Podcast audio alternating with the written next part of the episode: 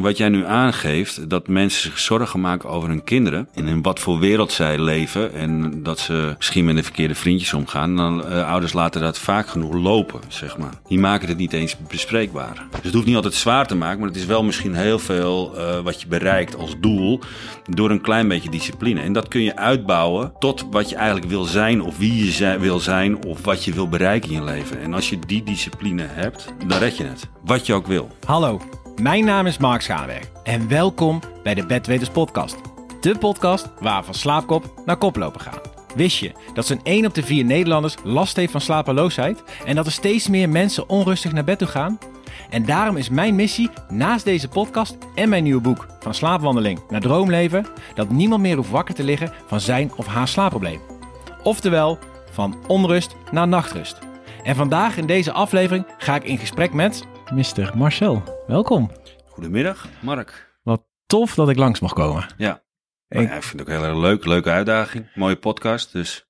Ja, ik, uh, nou ja, ik heb het idee natuurlijk dat ik je al jaren ken. Maar dat komt omdat je bijna elke maandagavond uh, voorbij komt op tv. Dus uh, na het telefoongesprek hadden we een hele mooie klik. Dus ik ben heel benieuwd naar, jou, naar jouw slaapverhaal. Nou ja, die ga ik je vertellen. Ja? Hoe slaap je op dit moment? Wisselvallig. Het is wel hectisch in mijn leven op dit moment twee boeken in zeer korte tijd uitgegeven. Hunted, uh, wat natuurlijk eigenlijk door het plafond gaat met kijkcijfers. Dus uh, bijna, nou het laat het sterker, miljoen kijkers per week. Dus dat is, dat is ontzettend veel. Daar krijg je ook je reacties op. Dus dat, ja, weet je, het houdt je bezig. Dus uh, de ene nacht slaap ik echt heel goed door. En de andere nacht ben ik echt kwart over vier wakker. En dan ben ik ook aan. Dan zit ik rechtop. En dan kan de dag wat mij betreft beginnen. En begin je dan ook je dag? Soms wel. Ja, soms beland ik aan de tafel en dan dan verleg ik mijn werkdag, zeg maar. Dat kan ook, ik ben zelfstandig ondernemer, dus dat kan ik ook zelf indelen. Maar ja, op een gegeven moment, als ik eenmaal aansta en ik lig in mijn bed, ja, weet je, dan duurt het heel lang voordat ik slaap. En meestal is het dan aan het einde van de nacht, weet je, zo rond half zeven dat je weer in slaap valt. En dan kan ik er over een uur uit en ben ik helemaal gebroken. Dus kan ik beter gewoon lekker doorgaan. Ja, ja dan geloof ik wel dat je meteen helemaal ja. uh, gebroken bent. En uh, wat is dan je favoriete slaaphouding? Rechterzij. Rechterzij. Ja. ja, hand onder mijn hoofd. In mijn rechterzij, ja, absoluut. Dat is mijn favoriete slaaphouding. En lig je dan het liefst bij de deur of bij het raam? Bij de deur. Ja, voor de inbrekers. Weet ik niet. voor de vluchtroute, denk ik. Ik weet niet, dat zit in me. Dat heb ik ooit meegekregen. Ik heb ooit eens wat werk gedaan waar dat wel bekend, waar dat heel belangrijk was. Dus ja, nu het zegt, ik heb er eigenlijk nooit bij stilgestaan, maar altijd de deurkant. Ja, dat is wel je makkelijkste. Ja. Ik heb ooit iemand gesproken, die ging juist bij het raam voor de inbreker. Alleen toen kwam je erachter dat hij op 14 hoog woonde. Dus ik ja, wist niet, niet hoe die inbreker binnengekomen. Oh, oh, ik dacht dat hij dan dacht dat zijn vrouw als eerste gepakt zou worden gestolen. ja, mee, mee ging nodig. ja, ja, ja, precies. Dat zou kunnen. Ah, mooi dit. Hey, Marcel, ik wil het vandaag over twee, twee hele mooie dingen hebben. Dat is eigenlijk hetgene wat jij gedaan hebt. Ja. In de, de politiewereld. En uh, waar je ook jouw uh, fantastisch mooie boek over geschreven hebt. En uiteindelijk wil ik natuurlijk ook wel een beetje over Hunted uh, praten. Want ik denk dat er heel veel mensen wel benieuwd zijn of jij dan ook slaapt. Ja, ja dat ga ik vertellen. Ja, op een gegeven moment begon jij een avontuur bij de politie. Ja. Hoe ging je toen om met je slaap? Hoe was je toen, stond je in het leven? Ja, er zijn, er zijn uh, drie fases in mijn politieperiode. Ik heb twintig jaar bij de politie gewerkt. De eerste fase is dat je natuurlijk bij de politie mag. Hè? Want ik ben in 95 bij de politie gekomen en toen werden er twaalf nieuwe recruten aangenomen na jaren, zeg maar. En toen belandde ik op de politieschool voor uh, de regio Zaanstreek-Waterland. En dan kom je dus uiteindelijk wel in uh, de regio te werken. En dan, um, dan kom je in ene in aanraking met een rooster met nachtdiensten. En dat was toen in die periode nog ochtend, nacht, nacht, dag, nacht, nacht, ochtend, weet je zo. Dat ging heel wisselvallig. Dus daar begon eigenlijk al, uh, uh, ja, dat was eigenlijk de start van hoe ga je met je slaap om en hoe verdeel je je rust eigenlijk. Want ja, dat is nu. Dus je ging overdag slapen en je ging uh, s ochtends slapen en dan vlak voordat je je nachtdienst ging, pakte je ook nog een paar uurtjes. Dus op, op een gegeven moment ging je er wel bewust mee om. Maar hoe ik daar verder echt mee omging, nee, dat leidde zichzelf. Ja. Je, je, was nog jong en je dacht, ja, het komt wel. Ja, ik was conditioneel heel sterk. Dat is natuurlijk ook heel belangrijk. Ik was fysiek heel sterk mentaal uh, kon ik ook nog wel mijn mannetje staan. Maar dat was natuurlijk ook wel een belangrijke factor. Dus je kon veel hebben. En, en merkte je ook aan, je, aan, aan de collega's dat die er wel meer moeite mee hadden? Nou, sommigen wel, zeker naarmate de leeftijd. Ik, ik kwam natuurlijk als jonge hond kwam ik in die brigade. En de oudere garden hadden ook echt wel last met nachtdiensten. Dus je kon ook echt wel merken, dat die hadden echt wel problemen mee. Maar ik had dat op dat moment niet. Ik was uh, half twintig, begin twintig, half twintig, ja. ja je, ging, je ging maar gewoon door. Ik ging door, ja. En op een gegeven moment kreeg hij een aanbod om voor het gevoel het echte, echte werk te mogen doen. Ja, ik heb een aantal jaar op, eh, op straat gewerkt. Had een nare dingen meegemaakt. Dood, verderf. Kijk, bij de politie. Ik vind de politie. Ik heb heel veel respect voor de politie. En, en het werk wat ze doen, dat is echt fantastisch werk. Maar het is geen normaal werk. Het is niet normaal om dode mensen te zien. Het is niet normaal dat je in je gezicht gespuugd wordt. Het is niet normaal. Dus dat, dat geeft een bepaalde factor. En op een gegeven moment, ik had een vaste maat. Toen werkte we nog in vaste maat. Ik weet niet of je het tv-programma Heel Street Blues kent. Nou, dat is Ver voor mijn tijd, denk ja, ik. Nou ja, ik ben 49, we hadden het er al over. maar uh, dan had je dus een vaste maat. En ik had een vaste maat, Carolien, en uh, die overleed, die verongelukte. Ja. En um, dat was voor mij eigenlijk een startschot om te zeggen, ja weet je, ik heb in deze dienstgroep, wat echt een hele hechte groep was, ja, dit is niet meer waar ik me rust ga vinden, zeg maar. Dus want rust is een wapen wat nooit weigert. Hè? Daar heb ik ook nog eens geroepen, daar kom ik straks nog eventjes op. Maar ik ga hier mijn rust niet vinden in deze omgeving. En toen dacht ik, weet je, ik wil niet het hoogst haalbare halen in rang, maar ik wil het hoogst haalbare halen uh, fysiek, mentaal. Nou, dan, zijn er, uh, dan is er eigenlijk maar één optie, dat is het arrestatieteam. En daar was ik ook eigenlijk ik was, was getraind. Ik weet niet of ik het had gehaald. Ik had uh, getraind. Ik was fysiek was ik sterk. Dus ik was wel klaar om die stap te gaan maken. Om die sollicitatieprocedure in te gaan. En toen kwam in een de DSRT op mijn pad. Dat klopt. Dienst specialistische recherche toepassingen. Unit specialistische operaties tactisch team van het Korps Landelijke Politiediensten. Dus de langste naam die ik ooit... Uh... Wel, heb jij wel een flinke tegel mee naar huis toe gekregen ja, of niet? Toen je schildje, zo'n schildje. zo, uh, de halve muur. Alleen de naam hè? Ja, inderdaad. Ja. ja, maar daar werd je wel even fysiek aan de aan de vinger getrokken en mentaal. Ja, die opleiding was heel zwaar. Die, zeker in de eerste weken. De, de opleiding was 32 weken. Dus dat was in principe in Ossendrecht. Dat is dan uh, de opleidingsinstituut voor uh, openbare orde en veiligheid. En ja, daar sliep je na, de, je, de eerste weken, laat ik zeggen 12, 14 weken, was gewoon fysiek mentaal. Dus het was echt alleen maar kijken hoe je onder vermoeidheid, nou je kent vermoeidheid, voedsel, pijn, spanning, stress en hoe blijf je daarop acteren en hoe blijf je presteren. Dus ja, ik heb weinig mijn bed gezien die weken. En, en wat vind je ervan dat we, als we kijken ook naar de landmacht, en overal vaak op slaap getest worden? Het is, uh, het is eigenlijk uh, twee, wat kun je met veel slaap en wat kun je zonder slaap. Dus dat is denk ik ook de test als je kijkt naar het operationele. Want de, de omstandigheden waarin jij moet opereren of werken, die worden niet geleid door slaap. Dus uh, de boef houdt geen rekening mee of ik uitgeslapen ben. Dus uh, daar, daar zit natuurlijk de crux van uh, dat je erop getest wordt, is natuurlijk heel positief. En dat je daar, uh, daarnaast ook fysiek gewoon heel sterk moet zijn. dat gaat dan ook zijn meerwaarde laten zien. Dus dat ga je ook merken, dat ga je voelen, dat je gewoon scherp blijft. En zeker als je weet dat aan de andere kant van de lijn het grote gevaar ligt, wat gewoon ten koste gaat van je leven. Nou, dan slaap ik liever wat minder. Ja. Terwijl als we kijken, als we minder slapen, kan je grotere fouten maken dan wel ja. minder risicoanalyse. Dat gebeurt natuurlijk ook. Hè? Mensen die minder slapen maken de fouten. Maar daarom zijn die fysieke eisen ook zo hoog. En daarom was die opleiding ook zo zwaar. En leerde je waarschijnlijk ook veel drills. Ja, procedures zaten eronder, inderdaad. Die lagen eronder, omdat je ze altijd wist dat je terugkomt vallen op die basis. En dat is natuurlijk ook wat, je, wat ze testen, om te kijken van als je moe bent en je zit onder hoge druk, val je dan terug op je procedure die je hebt geleerd? Of ga je als een, als een, als een kip zonder kop rennen in, een, uh, in de ruimte. Ben je, daar, ben je daar ooit bang voor geweest? Om, om ja, toch te verliezen van je slaaptekort? Ja, daar ben ik wel. Nou, weet je, ja, ja en nee. Ja, ik uh, ben wel eens bang geweest om, uh, om te verliezen van mijn slaaptekort. Nadat ik heel veel had gewerkt en onder een hoge stress en onder hoge, onder hoge druk had gewerkt. En dan reed ik terug naar huis en wij werkten vanuit het midden van het land. En uh, dan kwam ik thuis, stond ik voor de deur en dan had ik niet eens meer in de gaten of ik de Koentunnel had gehad of welke tunnel of dat ik de route wel had gereden zoals ik hem altijd reed. En uh, ik heb ook wel zitten knikkenbollen, dat ik de raampjes open moest doen en de radio keihard aan, we kennen het allemaal. Die microslaap. Ja, en, en, en achteraf denk je, jezus, waar ben ik in godesnaam mee bezig, zeg maar. Uh, dus daar was ik wel bang voor, dat ik ooit eens een keertje zou verliezen. Want wij zeiden dat tegen elkaar, weet je, van je ogen win je het nooit. Als die luiken eh, gaan zakken, dat is eigenlijk zo sterk. Dus ja, daar ben ik wel bang voor geweest. Ja, en vooral die microslaap, hè? Monotoom geluid. Tot 0 tot 30 seconden kan je gewoon wegvallen. En ja, dan verlies je het gewoon van. Ja, dan verlies je het. En zeker als je dan, weet je, in die periode reden wij best hard, grote, hoge snelheden. Dus er zat alles wat je kon hebben aan gevaar, zat daar gewoon. En uh, wat het mooie is met je lichaam, op het moment dat je in zo'n operatie gaat, ben je gewoon mes en mes scherp. Je kon jezelf opplussen, je wist gewoon hoe je ermee om moest gaan. Maar daarna, als de stress eraf ging, ja, dan was de dip des te groter. Dus daar, daar heb ik wel angst gehad. En niet angst tijdens, nou, niet tijdens het rijden, dan denk ik, red het wel. Maar wel dat je smiddag zat van, jeetje mina, zeg, is dit nou wel handig wat hier aan het doen zijn. Kregen jullie toen ook les hoe je om moest gaan op de dag dat je vrij was met rust? Of was het gewoon succes Marcel en uh, ik, zie je, ik zie de volgende keer weer?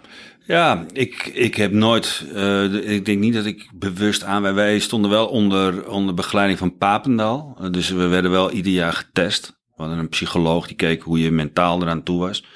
Dus dat, die controle was, was, was perfect. Maar ik kan mij niet herinneren dat ik echt aanwijzingen heb gehad uh, met betrekking tot slapen. Ik weet wel dat er ooit een programma is opgestart, het slaapwaakprogramma. En volgens mij was het in het AMC in Amsterdam, waar, waar jongens bij zijn aangesloten, omdat wij deden de operaties zowel overdag als s'nachts. Dat wisselde zich af. Dus je had heel, heel, heel, je wisselde echt in je slaap. Dan overdag, dan weer nacht. Dan, maar ook wel hele weken alleen maar s'nachts. Dus als het echt heel heimelijk was.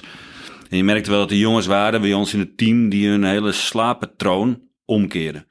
S'nachts leefden ze en overdag waren ze aan het slapen. Maar en op het moment dat je dan weggaat of dat je een week vrij hebt of vakantie hebt, dan zet je dat niet uit. Nee. Dus het is niet dat je een knopje op de muur hebt zitten. Nou, vandaag uh, gaan we het anders doen. Uh, dus daar, daar, zijn, uh, daar is, is, wel op een gegeven moment bewust onderzoek naar gedaan. Maar ik kan me niet herinneren dat ik daar heel bewust gebruik van heb gemaakt of mee bezig ben geweest. Nee. Maar kwam er ook echt iets, iets uit uit het onderzoek? Of, want wat werd er toen voorgeschreven? Nou, in principe, dat, dat is daar wel aange, aangegeven dat je op een gegeven moment tijdens de verkeerde uren de juiste slaap uh, aan gaat maken. Dus je, je patroon, het lichamelijk patroon, dat het helemaal door elkaar zit. Um, wat ze daarin hebben, weet ik dat er jongens zijn die moesten melatonine bijslikken. Dat was toen was dat het gouden uh, medicijn. Het gouden medicijn. En blijkbaar in je brein geloof je dat dan ook, dat als je zo'n pil naar binnen werkt, dat je dan ook slaapt. Dat is wat ik, wat ik van die periode nog weet. Maar zelf, ja, weet je, zelf heb ik me er nooit zo mee bezig. Ik ging gewoon door. En ik wist gewoon van mezelf dat ik één keer in de twee, nee, één keer in de drie weken, of één keer in de maand, had ik altijd ergens een man met een hamer staan. En als ik dan het hoekje omkwam, dan sloeg hij op me, op boven mijn kop. En dan ging ik om één uur s middags naar mijn bed. En dan werd ik de volgende dag wakker en dan was ik er weer. En dan kon ik weer de hele maand uh, uh, kon ik er weer tegenaan.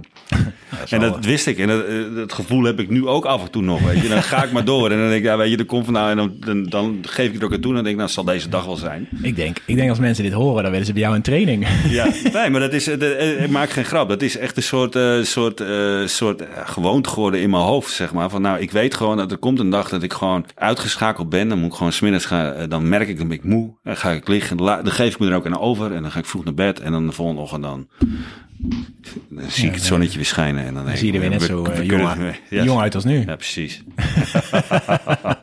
zonnig. Ja, Heerlijk zonnig en mooi. Ja. hey, maar ja, boeven slapen niet. Hm? Je bent natuurlijk zelf ook helemaal ontwikkeld jij in het brein, hè, de psyche van de, van de mens. Ja. Hoe kunnen in godsnaam boeven blijven slapen? Maar als je zo gehunt wordt, als je zo hè, jouw werkzaamheden doet als undercover, s'avonds hoe ga je ermee om? Maar hoe gaan vooral hun ermee om? Ik bedoel, je hebt natuurlijk ervaring erin. Bij sommigen went het natuurlijk nooit. Hè? De, het jagen, dat er op je gejaagd wordt. Weet je, dat geeft natuurlijk heel veel onrust. En sommigen die zien het als het bedrijfsrisico. Hè? Dus die, het is hun werk. Dus die zijn daar, uh, waar wij met z'n allen bang voor zijn voor andere dingen, zijn, is dat wat zij incalculeren. En zijn ervan overtuigd dat ze de juiste manier hanteren om onder de radar te blijven. Dat is wat er eigenlijk aan de hand is. Maar vanuit de opsporing probeer je natuurlijk zoveel mogelijk die rust te doorbreken en te hopen dat daar een foutje gemaakt gaat worden. En als we dat refereren naar het programma Hunted, is dat natuurlijk ook onze kracht. Dus continu rommel in de tent, continu zorgen, laten merken dat we achter ze aan zitten, zodat ze niet slapen, dat ze moe worden en dat ze fouten gaan maken. En je ziet, het, het gebeurt gewoon. Ja, je hebt daar een, een gouden formule op gemaakt, ja. Hunted natuurlijk. Ja. elke aflevering heb je er weer aardig uh, wat in de pocket. Ja. Ik denk dat half Nederland mee wil doen, maar ik ja. denk dat 90% er geschikt voor is uiteindelijk. Om mee te doen, 90%? Ja. ja. Uh, denk, zie, zie je niet een verandering in, in, in de mens nu, qua angst, uh, onrust? Het, weet je, we hebben een aantal uh, hele goede tegenstanders gehad. Uh, die ook een bepaalde defensieachtergrond hadden. En je ziet toch dat die het gewend waren om onder de radar te blijven en de discipline konden opbrengen om, om, om op de vlucht te blijven. En ieder jaar verbaas ik me weer dat mensen zeggen, nou, je kan 21 dagen uit handen blijven van. En dat ze uh, in de eerste week zitten men, en dat is normaal, hoog in hun discipline. Dus dan houden ze zich aan de afspraken en dan, dan uh, volgen ze datgene wat ze hebben verzonnen. Dus niet bellen, niet met de computer, de kijken voor de camera's. Maar naarmate ze moe worden, dan komt die, en minder slapen en die stress voelen, dan gaan ze of fouten maken, of ze worden laks, of ze hebben het geniale idee om ons uit te dagen. Dus dan worden ze een beetje overmoedig. En dat in combinatie is, is vaak is dat voor hen dodelijk en voor ons de winst. Ja, want ik kijk natuurlijk al jaren. Ik zie in jouw gezicht dat je geniet als je, als je je uitdagen. Ja. Uh, ergens voelt het, maar dan komt mijn militaire ik naar boven. Dat het uitdagen ook is van, weet je wat, ik weet dat ik dit ga verliezen. Laat ik ze uitdagen. Want als ik dan gepakt kan worden, dan kan ik wel tegen iedereen vertellen van, jongens, ik heb een bosje bloemen gestuurd. Ja. Of uh, ja. ik wil op de radio of wat dan ook. Ja. Het is, is gewoon zonde, vind ik dat. Dan je, krijg je die kans om mee te doen. Nou ja, dat is de discipline dus. En dat is ook wel waarom je mee wil doen, weet je wel, denk ik. Om te winnen uiteindelijk. En uh, ja, niet, ik denk niet dat als jij uh, je laat selecteren om op de vlucht te gaan in Hunted dat je dan eigenlijk uh, mee wil doen omdat je na acht dagen gepakt wil worden en droevig met een handboeien om in een auto gezet te worden. Want dat, dat is eigenlijk wat er gebeurt. En het ja. gebeurt. Hè. En wat jij zegt met de kijkers, ja, dat is ook zo. Mensen, A, ze vinden ons eikels, dus de, de hunters, mannetjes natuurlijk, weet je, en dat wordt ook wel een uitstraling van, oh, weet je, we zijn ja, soms wat Noors, maar dat is, weet je, ook wel de cultuur. B vinden ze soms, de, degene die op de vlucht zijn, vinden ze ontzettend uh, stom en dom, weet je, wat ze allemaal aan de hand hebben. Soms zeggen ze wel, ah, die is wel slim. En de mensen thuis, die bedenken dan zelf van dat ze heel graag zelf mee willen doen en hoe gigantisch mooi ze zelf het plan kunnen maken. Ja, ja, ik... Uh... Dus het is ook een heel interactief uh, programma en dat maakt het ook, denk ik, ontzettend leuk voor de kijkers. En, ja. en spannend, laat ik dat voorop stellen. Ja, want ik ik heb genoeg mensen in de omgeving die zeggen van ja, ik kan niet naar kijken. Ik word zo zenuwachtig hiervan. Ja. Nou, mijn vriendin die roept wel duizend keer in de aflevering. Oh, wat is dit dom. Ja. ja. He, ja. Als we nu kijken dit seizoen, ja, dan zie je wat fouten gemaakt worden. En ik vind het, en ik heb gedragstherapie gedaan, dus ik zie ook mensen bepaalde dingen doen. Dus dat is, ik vind het heel interessant om ook vooral op die manier ja, uh, te zeker. kijken. Ja. Maar slaap jij zelf wel tijdens het programma? Nee, zeker. Of, of, gaan jullie echt 24 uur per dag door? Nee, dat lukt niet. We kunnen niet 21, uh, 21 dagen lang 24 uur per dag doorgaan. Dus er zit een, uh, de, wij, de ene keer werken we tot 11 uur s avonds, de andere keer tot 9 uur, maar dan beginnen we vroeg. Maar dat is wel allemaal afgestemd op de tijden ook, want dat is hetzelfde ook, dat kun je ook niet van de voortvluchtigen verwachten, dat ze gewoon alleen maar uh, slapen. Maar we hebben geen vrij. Nee. Dus het is niet zo dat we zeven dagen opsporen, dan drie dagen vrij. Dus het is in één ruk door dat, wij op de vlucht, dat mensen op de vlucht zijn en wij de opsporing doen. Dus eigenlijk zeg je een beetje dat jullie ook bepaalde vaste blokken hebben dat jullie mogen jagen. Ja, uh, ja. Dus het is niet dat. Met, met de, de hunters mogen wel 24 uur per dag dingen doen. Of... Nee, niemand. Dus als uh, de tijden zijn, dan worden dan uh, bepaald, zeg maar. En daar doet iedereen moet zich daaraan houden. Ah. En stel dat wij het leuk vinden om wel door te gaan dan dat wordt ons niet in dank, dan, dan, dan krijgen we ook straf. Dus dat, dat gaat niet gebeuren. Oké, okay, nee. gaaf. Ja. Ik herken het uit mijn survival training, want dan had je ook een bepaalde time window. Omdat ja. je even rust had, want dan gingen ze controleren. En daarna moest je weer heel de dag door. Het was ja. altijd maar één uurtje rust. Mm -hmm. En de rest van de tijd... Uh... Ja, nee, dat is, dus er zijn echt, uh, en daar zitten ze heel strak op. En ook en, veiligheid, denk ik. Ja, het is ook veiligheid natuurlijk. Weet je, mensen die gaan rijden, mensen die op de vlucht gaan klimmen, ze vluchten, ze rennen de straat af. Ja, weet je, die zitten niet te wachten dat er ernstige ongelukken gebeuren door vermoeidheid of door, dat, dat kan gewoon niet. En als je naar jezelf kijkt, hè, we zien natuurlijk weinig achter de schermen. Dus we ja. zien vaak jouw beslissingen maken of je team. Mm -hmm. En we zien natuurlijk het, hè, de fleurige kant van de hunted. Want het is mm -hmm. natuurlijk uh, leedvermaak ergens ook wel. Ik bedoel, we zien heel veel niet. Hoe ga je om als je zelf moe begint te worden? Pak je dan daar ook een moment van een, een, rustmoment? Of is het voor jou echt gewoon, oké, okay, 7 uur tot 9 uur s'avonds aanstaan, snel ergens weer slapen en weer door? Of heb je nu voor jezelf ook een routine gevonden?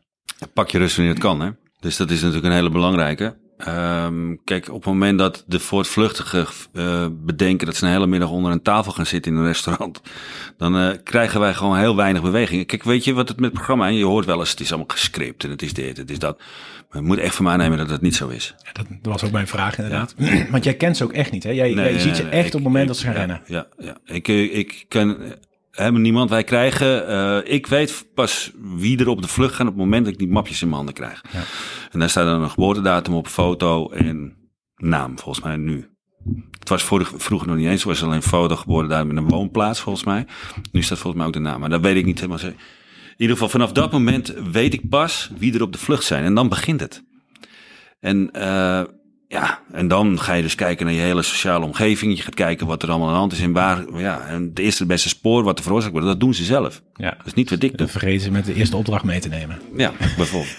ik verbaas je? me dat elke keer weer. Ja, en dat, kijk, en dan ja, het is niet eerlijk, het is niet eerlijk. Maar ja, ze vergeten het gewoon zelf. En dat is ook wat stress met je doet en wat vermoeidheid met je doet. En ik denk dat die de nacht van tevoren ook niet zo lekker geslapen hebben. Nee. Voordat ze weg mochten. Nee, dat geloof ik. Nee. Laten we, als we zelf kijken als we op reis moeten, dan liggen we ook wakker, toch? Ja, nou, maar zo is het ook. Maar herken je jezelf soms in hoe jij vroeger was en hoe de mensen reageren in Hunted? Hoe bedoel je? Dus een beetje dat spanning en uh, ja, dat voorvluchtig. Mm, nou, in vroeger niet, want dan zat ik natuurlijk... Ik heb altijd aan de, aan de kant van de lijn gestaan waar ik nu ook sta bij Hunted. En dat is in de opsporing. Ik ben zelf nooit uh, op de vlucht geweest. Wat ik wel merk, is dat je ziet dat de patronen die de mensen laten zien... ook overeenkomen met de echte boef. En zo simpel is het.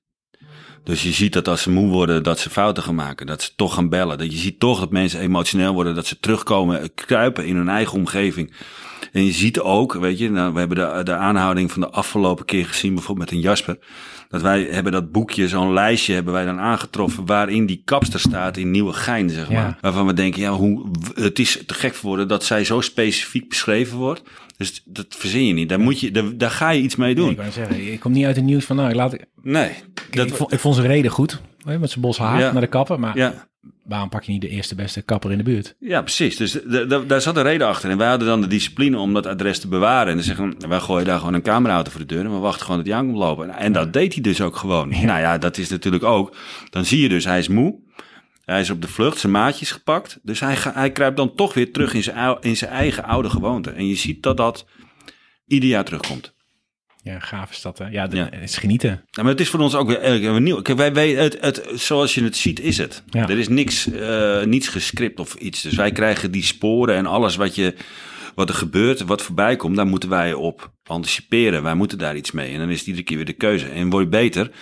Nou, je ziet dat het ook dit jaar zie je ook weer dat de mensen die al aangehouden zijn, eh, gepakt worden door bijna dezelfde redenen die al vier jaar daarvoor ook zo zijn. Ja.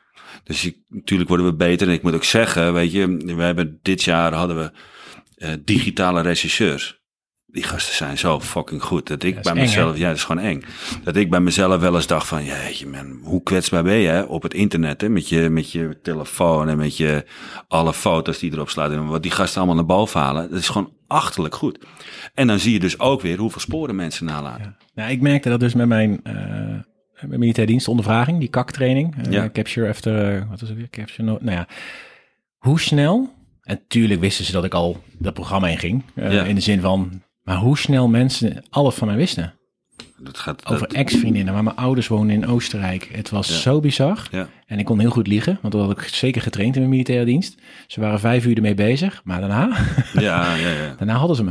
Toen was ik ergens gas aan het gaaien en mijn eigen kuil aan het graven. ja. Ja, het is echt bizar. Maar je hebt, ja, we hebben natuurlijk net ook een beetje over slaap. Hè. Vroeger keken we er anders naar. Je vertelde net, hè, het gaat ups en downs. Je bent een heel nieuw avontuur ingegaan. Ja. Dat lees je ook in, eh, in je stukje natuurlijk in je boek. ja. Hoe ga je nu met je slaap en je rust om? Sta je nog steeds voor je gevoel af en toe aan? Ja, zeker. Eh, dat zit in je. Als je kijkt naar scherp zijn of eh, wel die, die, die, die, die grens opzoeken soms, dat, dat, dat zit in me en dat blijft en dat is oké. Maar ik ga wel bewuster om met mijn, met mijn, met mijn slaap. Dus ik, ik pak mijn uurtjes. Maar daar zitten natuurlijk wel hiaten in, omdat ik af en toe midden in de nacht wakker word.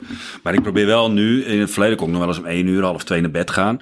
Eh, maar nu probeer ik door de week, lig ik eh, zo rond uur of half elf, elf uur, lig ik wel, eh, wel in bed. Dan ben je gewoon weer eigenlijk gewoon een degelijke huisvader. Ben ik geworden, ja, gelukkig wel. En Hoe voelt dat? Nou, rust. Ja? Ja, ja, dat is gewoon, dat is, ja, weet je, daar, daar voel ik me goed bij. En dat is goed. En dan zie je dus ook weer dat het goede eh, in je boven komt, zeg maar. Eh, ambitieus, eh, ondernemerschap. Ik een eigen recherchebureau, heb een eigen trainingsbureau, waar we, hele leuke dingen doen.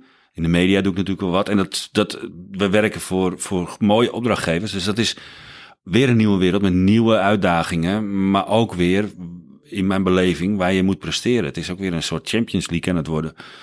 Dus dan kan ik niet meer aankomen met de smoes dat ik tot drie uur s'nachts op de bank bier heb zitten drinken. Dat, dat, dat, Nee, ik hoorde je net wel iets anders zeggen.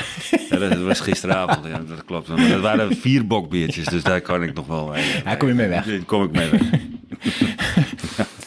ja. En ook tijdens jou, want je bent nu jouw bedrijf aan het opstarten. eh, Wordt slaap daar ook belangrijk in meegenomen voor jouw personeel? Of voor, Nou, zou je na dit, deze podcast er meer mee willen doen voor je mensen? Nou ja, weet je, het is wel een bewust iets wat je uitleert. Wij coachen nog wel eh, topsporters. En daarin zit het natuurlijk ook, en die krijgen dat op voetbal eh, of in de sport krijgen ze wel mee over hun slaapgewoonte en hun slaappatroon. Maar daarin kun je wel aangeven dat de rust natuurlijk ontzettend belangrijk is en het slapen heel belangrijk is. Als je kijkt naar uh, het werk wat ik verder doe in een recherchebureau, um, dan kom ik weer terug in de boevenwereld. En de boeven die slapen niet. Nee. Dus wij hebben best wel acties waar diefstallen, wij we bijvoorbeeld een opsporing doen aan goederen die, die, die s'nachts worden weggehaald op, op, op bouwterreinen of bij tuinders, kwekers, weet je, dat soort. Uh, en dat doen ze s'nachts. En dat vraagt dus ook inzet van ons s'nachts. Ja. En daar blijft ook wel uh, die, die, die, die wisselwerking zitten. Hè? Dat je s'nachts of overdag en dan bellen ze en dan zeggen ze, ja, vannacht is dit. En dan zeg je, ja, dan moet er toch vannacht gewerkt worden, jongens. Want zo simpel is het ook nog een keertje. Want dat is waar we voor staan. Ja. Dat maakt ook, weet je, en dat is altijd zo geweest, bij de politie ook. De nachtdiensten waren altijd bijzonder. En misschien weet je dat zelf ook wel. S'nachts, als je s'nachts een operatie moest s'nachts verplaatsen, was eigenlijk altijd het mooist. Dat, dat zou ik bij Hunt het ook gedaan hebben, maar ik hoor net dat het niet kan. Ja, soms, ja, soms, ja, maar daar zitten wel tijden Ja. aan natuurlijk. Maar zit- we hebben ook nachtdiensten. Ja. Dus dat wordt, dat, wordt, dat wordt allemaal afwisselend. Maar als je naar het werk kijkt, zeg maar. Het heeft een andere beleving. Je, je gaat anders met elkaar om. Iedereen die nachtdiensten draait, zal dat herkennen. Dan ga je met je, met je, met je potje eten, ga je s'nachts naar je werk toe. Dat heeft een hele andere entourage. Dus eh, ja, wat dat betreft wil ik daar niet, wil ik niet zeggen, jongens, we gaan, we gaan nu met z'n allen rekening houden met slapen. Van we gaan s'nachts niet meer werken. Dat, kan eh, natuurlijk wel de boef mailen. Ja, je kan wel vragen als hij eventjes een avondje... Dat heb ik wel vaker gedaan. eh, Als ik een feestje had of zo. Met kerst doe ik het ook wel. Maar geloof ik, ik heb kerst, maar dat- geloof me. Er zit weinig beweging in die gast. Ja. En voor jezelf, heb je nu ook dan een avondritueel of een ochtendritueel? Of is het bij jou gewoon, oké, lampje om, eh, zo laat uit 11 uur, 12 uur? En, of heb je echt ook een ritueel? Nee, ik heb geen ritueel. Nee, ik, kan er heel kort over zijn. eh, Want eh, ik, heb, ik, ik heb niet dat ik een boek ga lezen om tot rust te komen. Ik heb niet dat ik mijn telefoon niet aanraak, omdat ik dan continu in die, in die schermen. Ik heb ook niet eh, dat ik bepaalde programma's kijk. Hè. Er zijn sommige mensen die kijken nog een programma en die zeggen, nou, ik ga vanavond nog eventjes Bo kijken, want ik word er lekker moe van. Maar nee, maar er zijn niet mensen, ik ben niet zo, ik heb dat niet. Ik, op een gegeven moment denk ik, nou, ik ga naar bed en dan ga ik ook naar bed. Nee, en nou ja, kijk natuurlijk schuin een beetje op de tafel. Je zei net dat je twee boeken geschreven hebt. Je hebt ook een boek voor kinderen geschreven. Ja, En ik heb natuurlijk ook ouders die dit luisteren. Ja. Wil je daar eens wat over vertellen? Ja, zeker. Onder de radar. Een eh, boek eh, geschreven, drie hoofdpersonen die eh, op een school zitten, op dezelfde school zitten. Hanna, Alex en Elin. En die komen in de problemen. En die problemen, dat is eigenlijk de problematiek die op dit moment heel actueel is. Huiselijk geweld, groepsdruk, wapenbezit. We kennen allemaal de verhalen op dit moment dat iedereen met messen loopt. En, of tenminste iedereen, maar dat het heel... de jeugd veelvuldige mes in de zak heeft op dit moment. Sexting, dus het afpersen met seksplaatjes. Nou, ik beschrijf daarin een, een, in eerste instantie een fictief verhaal wat ze meemaken met elkaar. Dat ze gepest worden en uiteindelijk uh, komt dat uh, goed, hoop ik. Maar uh, probeer ik daar naartoe te werken. Daarnaast zit een non-fictief deel. Daar heb ik beschreven waar die slachtoffers heen kunnen. Dus waar, wat is een oplossing? Dat nee zeggen een oplossing is. Dus dat je onder druk wordt gezet door mensen om je heen, door jeugd om je heen. Of dat als je een mes, dat je ook kunt zeggen, dat ga ik dus niet doen.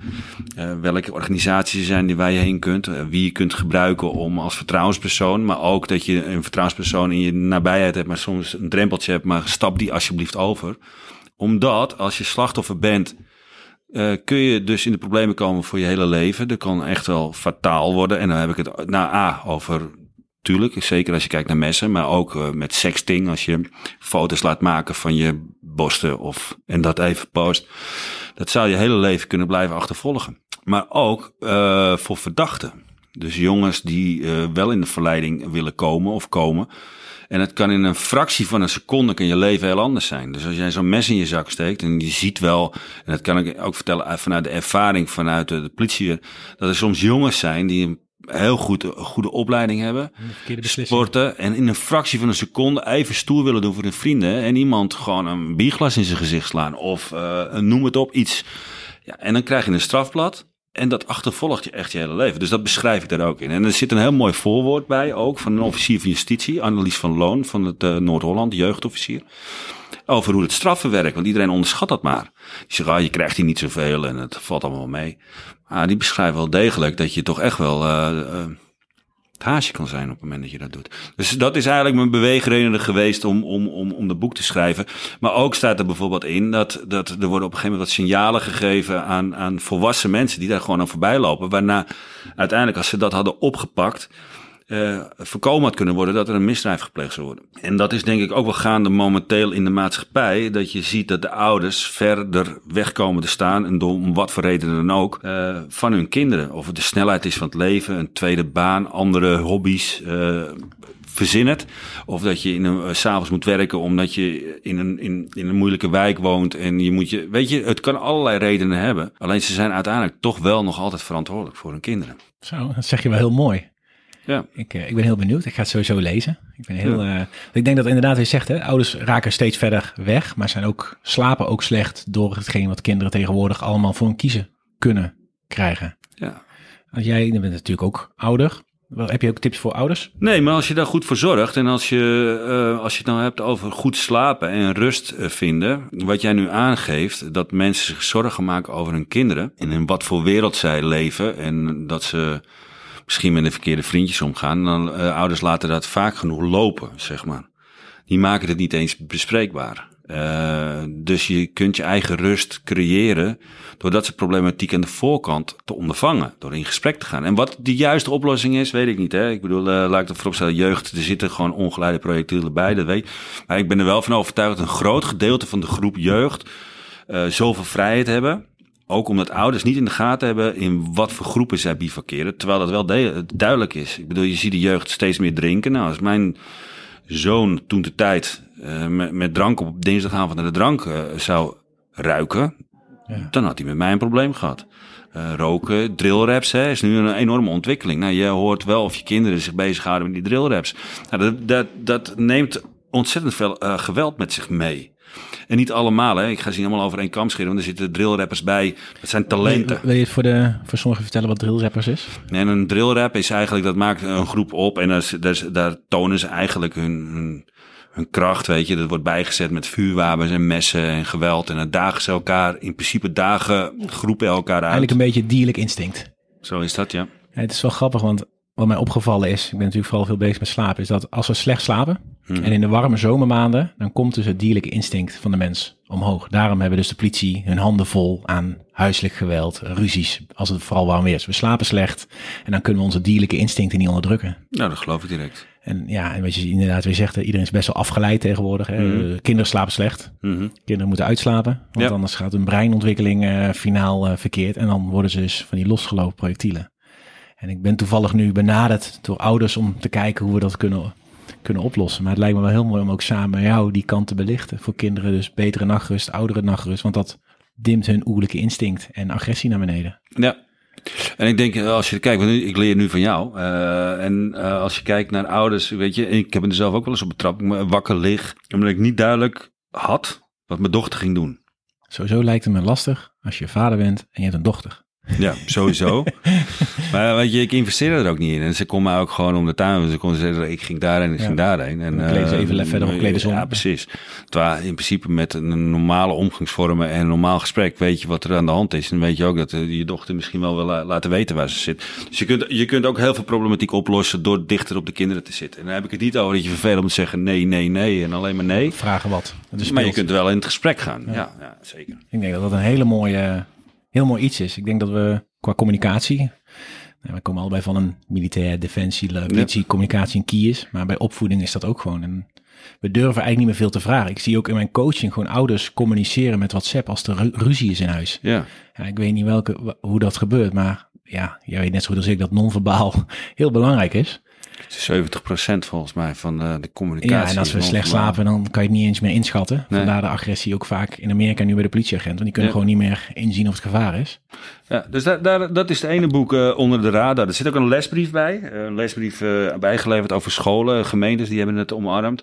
waarin de onderwerpen staan beschreven met vraagstellingen. Dus dat je het bespreekbaar kunt maken met of de leerlingen of met je kinderen.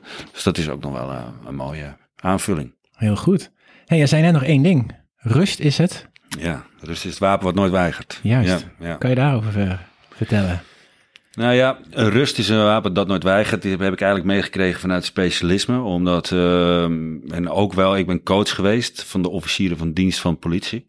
En dan kwam je bij uh, grote incidenten waar een en al chaos, mensen schreeuwen, gewonden, uh, noem het op, vechtpartijen en alles. En dat los je niet binnen één minuut op. Dus als je je rust bewaart en goed kijkt en een beeld vormt, dan, dan, kun je dat, dan kun je daar veel beter naar handelen of op anticiperen. Dus dat is een les die ik heb meegekregen vanuit het specialisme. Accepteer soms de chaos en probeer daarin je slagen te maken om effectief en efficiënt te werken. Dus dat is de kracht van dat spreekwoord. Die heb ik hoog, hoe noem je dat, in mijn vaandel staan, in het vaandel staan. Niet, niet getatoeëerd ergens? Nee, die heb ik hem nog niet getatoeëerd.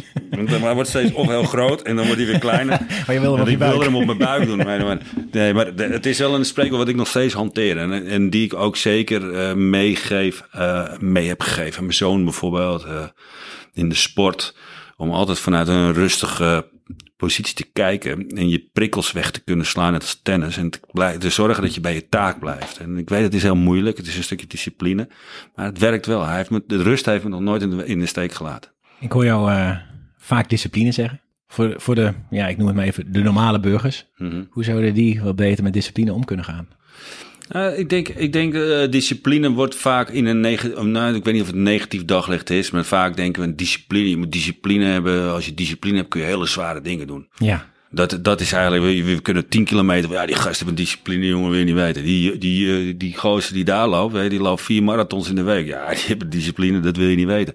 Maar daar gaat het dus niet om. Het kan gaan om hele kleine doelen die je stelt voor jezelf. Het maakt niet uit wat het is. Als jij vanavond een tekening af wil hebben, dan is de discipline ook dat je even een half uurtje gaat zitten om die tekening te maken. Dus het hoeft niet altijd zwaar te maken, maar het is wel misschien heel veel uh, wat je bereikt als doel door een klein beetje discipline. En dat kun je uitbouwen uh, uh, tot wat je eigenlijk wil zijn, of wie je wil zijn, of wat je wil bereiken in je leven. En als je die discipline hebt, zeg maar, door af en toe even goed naar jezelf te kijken, maar ook om aan jezelf te denken om je doel te bereiken, dan red je het. Wat je ook wil. En dat kan de een kan zijn, dat kan een boek zijn. En de ander kan zijn, uh, die zegt ik wil bij het arrestatieteam of bij Defensie. Maar je hebt ook mensen die zeggen, nou, ik wil beter slapen. Dus ik moet gewoon een week gewoon eerder naar bed. Of zorgen dat ik nou eventjes een keer geen drankje drink waar ik heel onrustig van word. Of uh, ik klap mijn laptop dicht omdat ik aansta van al die prikkels die ik heb. Dus discipline is niet altijd gekoppeld aan zware. Maar discipline is eigenlijk dat je goed voor jezelf zorgt. Dat geeft natuurlijk ook weer rust. En dan kom ik weer bij rust. Ja, en zo blijft die cirkel gewoon rondgaan. Uh, dat is hier rond, ja. ja ik denk inderdaad, ja, ik schrijf het in mijn boek ook weg. Uh, ik stuur hem je nog op. Uh, dat echt rust en slaap het begin is van al je doelen en ja. Ja, dromen in de zin kan van werk tot weet ik wat zijn om uiteindelijk te behalen. Ja, daar ben ik van, ben ik, daar ben ik van overtuigd. Daar ben ik van overtuigd. Marcel, enorm bedankt voor vandaag. Ja. Ik hoop uh, dat we binnenkort samen een bokbiertje drinken. En wie weet uh, volgend jaar uh, aan de zijlijn of bij Hunt het, jou het hoofd gek mag maken. Ja.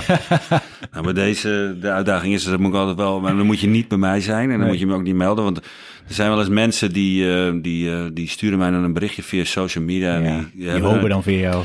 Ja, die, die hebben dan het idee, die zeggen, ja, ik wil, zou graag met Hunt het mee willen ja. doen. En dan zeg ik, ja, ja, dat is een goed idee. En dan zeg ik, vind je het een goed idee dat ik mijn plan naar jou toestuur, dat jij kan kijken of het lukt? En dan zeg ik, ja, dat lijkt me echt het beste, goed idee. Dat lijkt me het beste ja. idee wat je kan doen.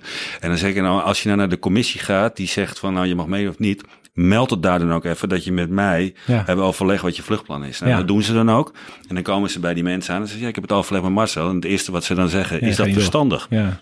Nou, dan is het klaar. Ja, maar zijn er echt mensen die jou hele serieus. vluchtplannen sturen? Ja. Wat gaaf. Serieus. ik, wil een keer, ik heb ze nooit teruggezien, hè? Laat ik dat voorop stellen. Nee, dat je niet denkt, snap ik die vluchtplannen weet. Echt, ik ken helemaal niemand, maar dit gebeurt dus wel, ja. Ja, bizar, hè? Ja. Zo krijg ik elke dag uh, alle telefoon-app-uitslagen hoe mensen geslapen hebben. Ja. En dan vraag ik, oh, en ben je nog moe? Ja, nou, Ja, heeft hij niet gewerkt. Dat heeft niet gewerkt. Wel een andere app. ja. Ja, ja, ja. Nee, super, super bedankt. gedaan, Ehm, Mark. ja, Leuk. laten we ook kijken naar een missie om kinderen beter te laten slapen, zodat ze uiteindelijk een droom mogen waarmaken in plaats van in de criminaliteit eh, mogen stappen. Maar eh, we hebben het kantoor gevonden hier en eh, Ja. ik hoop dat we verder kunnen. Mooi streven, mooi doel, eh, Mark. Dankjewel. Yes. Jazeker. En hiermee eindig ik het fantastische gesprek met Marcel van der Ven. En ik mag vanuit Marcel twee boeken weggeven. Zijn eerste boek De Kooi en natuurlijk zijn nieuwe boek Onder de Radar. En wat moet je hiervoor doen? Namelijk de podcast delen op je social media. Laat weten welk boek je wilt winnen en vergeet ons allebei niet te taggen. Mocht je vragen hebben voor de beddenspecialist of gewoon slaapvragen, stel deze dan via mijn Instagram of via mijn contactformulier op markschadeberg.com. En voor nu enorm bedankt voor het luisteren en slaap lekker.